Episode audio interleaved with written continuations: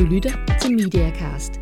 Hver uge tager Media Watch fat på mediebranchens største overskrifter og dykker ned i et aktuelt tema. I disse uger handler det om nicheboomet. Det er en international tendens, at de brede medier taber terræn, mens medier målrettet særlige segmenter vokser frem. I denne uges Mediacast skal vi en tur i nichelandet og se nærmere på de hyperlokale medier. Jeg har været en tur i Toronto i Canada og talt med Nordamerikas største udgiver af lokalaviser, Metroland Media Group. Ugens gæst er chefredaktør Peter Haggard. Mit navn er Camilla Mielsen.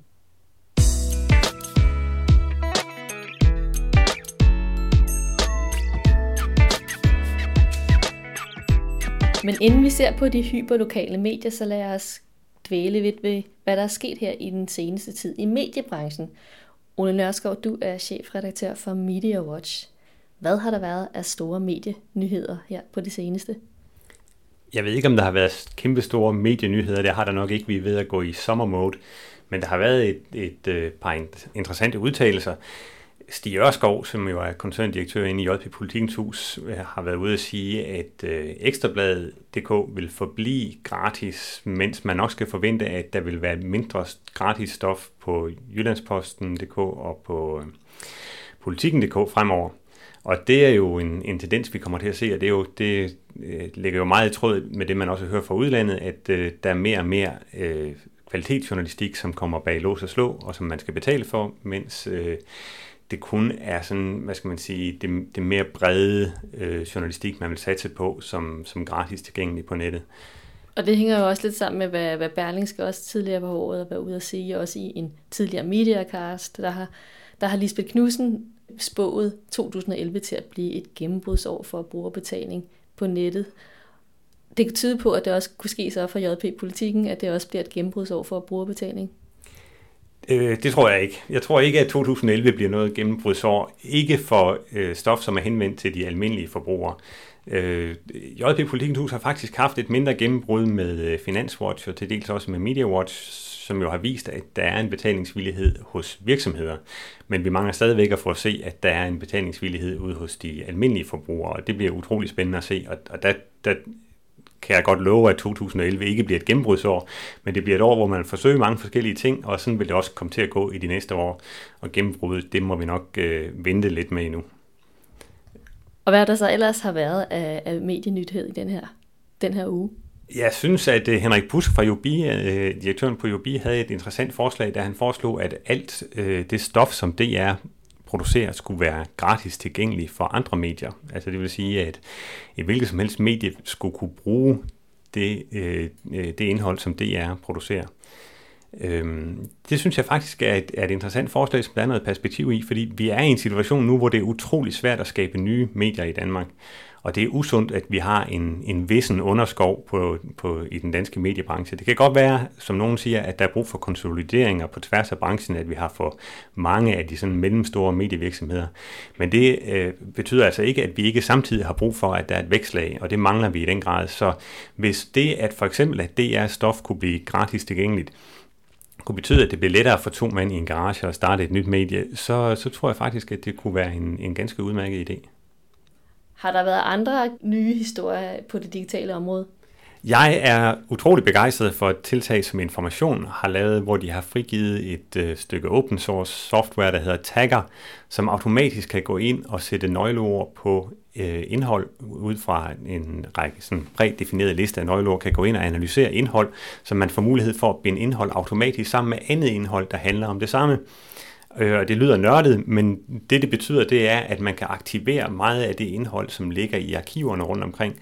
Man kan binde det sammen på intelligente måder med stof, man henter fra Wikipedia og forskellige andre kilder, og på den måde kan man berige det nye indhold, man producerer, og det kan faktisk give os, hvis det lykkes at få det bredt ud i, i den danske mediebranche, så kan det potentielt give os nogle langt bedre webmedier, og, og, og, og der er faktisk virkelig stort potentiale i det projekt.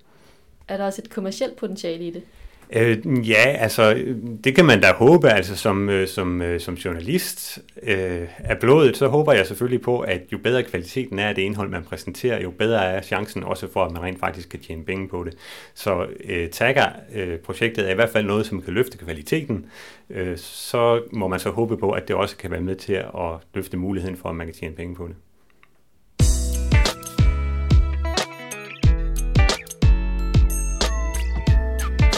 Gnist, passion, engagement.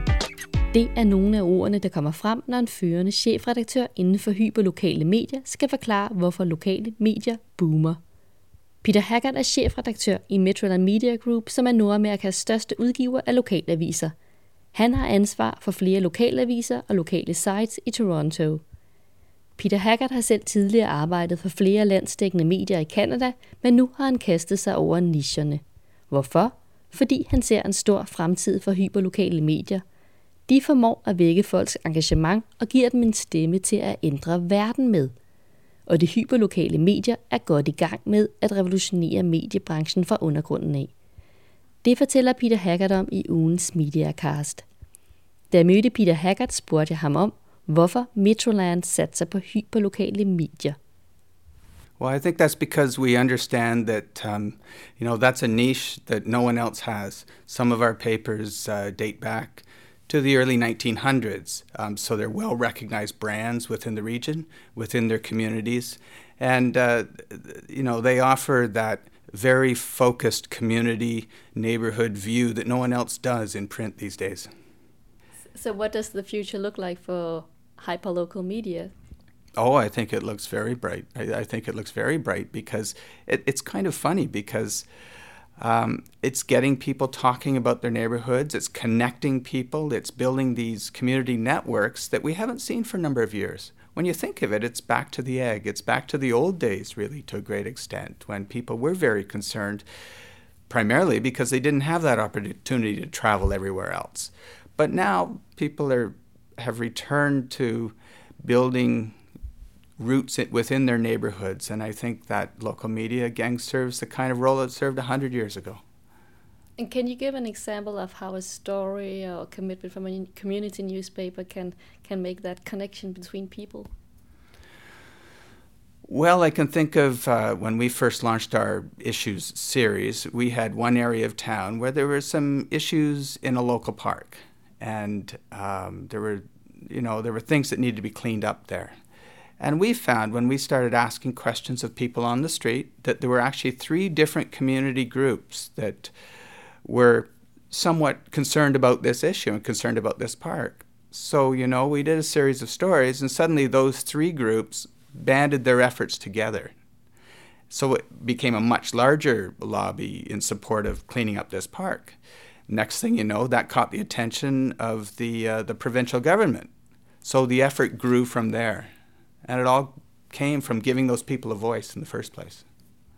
So hyper local media is about giving people a voice. Ab- absolutely, giving people a voice and uh, and showing leadership and building leadership in people at that lowest level. Could you please describe what characterizes these hyperlocal news? The bottom line is we try and put ourselves in those communities, in those neighborhoods, and say, if I'm a resident of this neighborhood, what do I need to do? What do I need to know to go about my day, to deal with my schools, to talk about my local shops and do my local shopping? And and very important, how do we progress this community I live in forward? How do I make it better for me and my neighbors? And we just try and be part of that conversation. You know, we think of ourselves as um, being an invited guest into the house that can sit on the coffee table for a week and and uh, be part of the family. and one, what kind of journalism do you use? Is there a lot of like user generated content uh, or what what is like the main journalistic uh, content you have yeah fair enough in our newspapers it's mostly staff generated in our newspapers um, what we try and do is toronto's a city with uh, a couple of free dailies and uh, uh, four national or local dailies. So we stay away from that top level news and we concentrate more on what you won't see in the daily newspapers, but the issues that affect a neighborhood or, or a specific set of streets, as opposed to the issues that affect the whole city of Toronto. And every newspaper, we've got maybe 15 to 19 stories, opportunities to reach the people in that community. So we take it very seriously. Could you touch a bit upon what kind of stories or topics interest your readers, especially? Sure. Like, for instance, in each of our newspaper groups, um, well, first and foremost, people a lot of it's people news. People like stories about other people in their neighborhoods, people they recognize, or, or those touching, heartfelt stories. Um, along with those, we'll take uh, each of our papers, each of our reporters actually take it as a beat, and they have a certain issue they follow. It can be uh, cleaning up a park in a certain geography of the city, it can be uh, bringing business to a certain streetscape in a certain neighborhood. But we take these issues very seriously, and we uh, we work with the communities to develop these issues and look for solutions to uh, ongoing community problems. And in Metroland, you're quite successful covering this the local news. How much are you actually growing?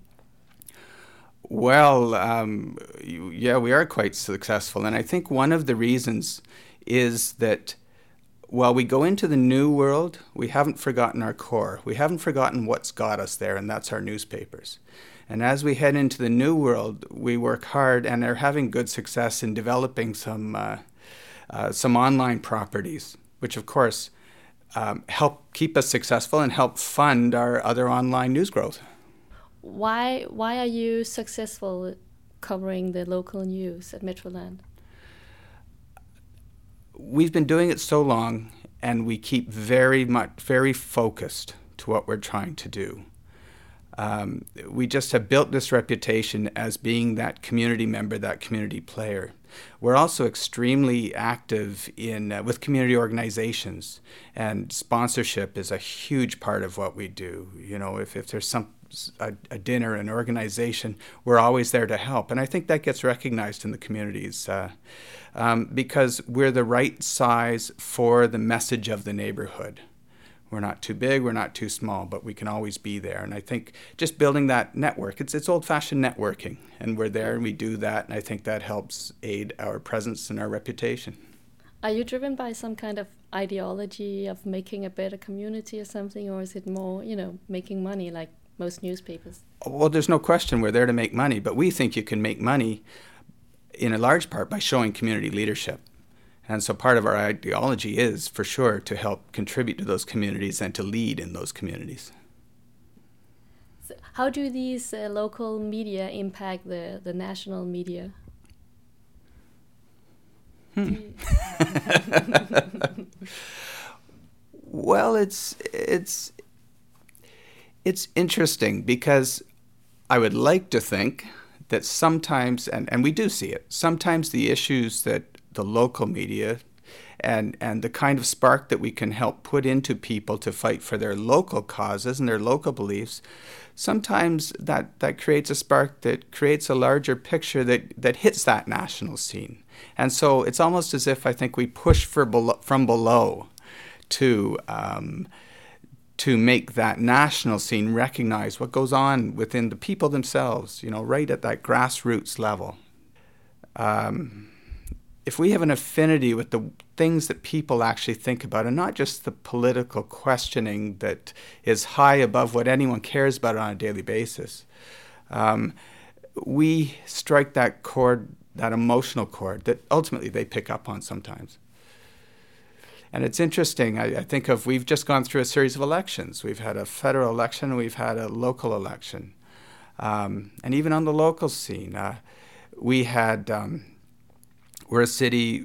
There was a fierce mayoral battle, and the mayoral candidates last year had about 90 all candidates forums. And you go to them and you hear the same thing every night. And there'd be a good, polite population turnout but there'd be no new groundbreaking. But then you'd go to a ward meeting, and that's uh, you know one of the divisions where councillors represent within the city, and the fire and the passion of those local issues was quite evident, and people were so much more engaged on that neighborhood level. And so that's exciting to see. So then, when you have all those local council members impassioned to represent their people properly, it can't help but move up that ladder and uh, and and affect the overall city government. And when you get that city impassioned, then it affects the national government.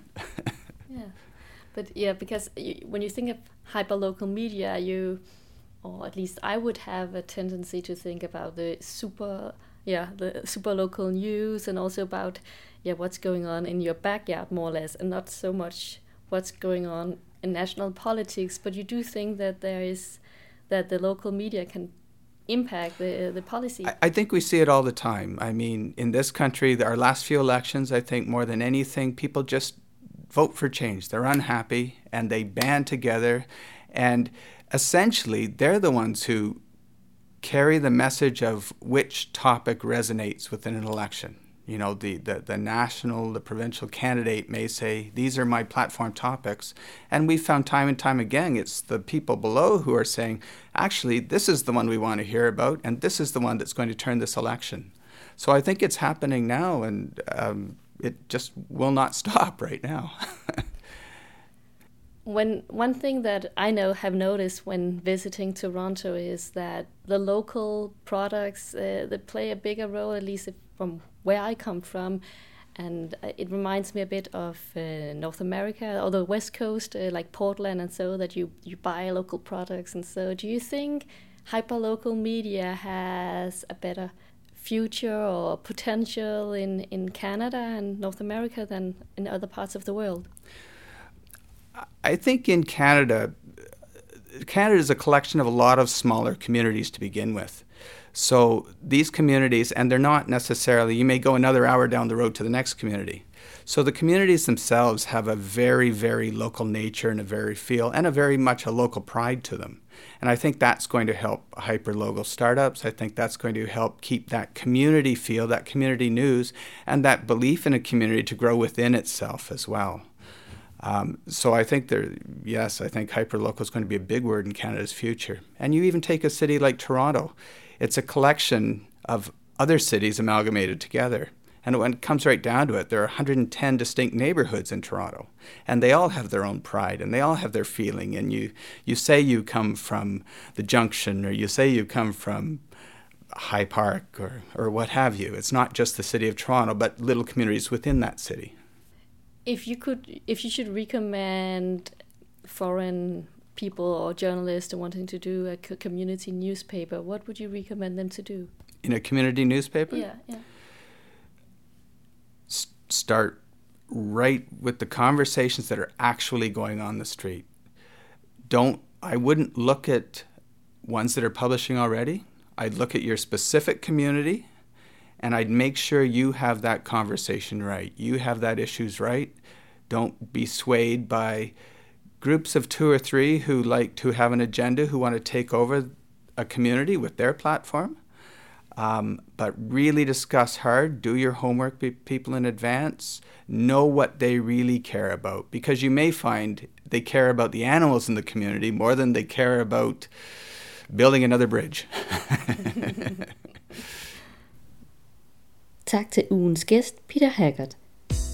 Denne uges Mediacast er den 15. i rækken, og den er produceret af Milsen Media for Media Watch og podcastet med hjælp fra Podconsult.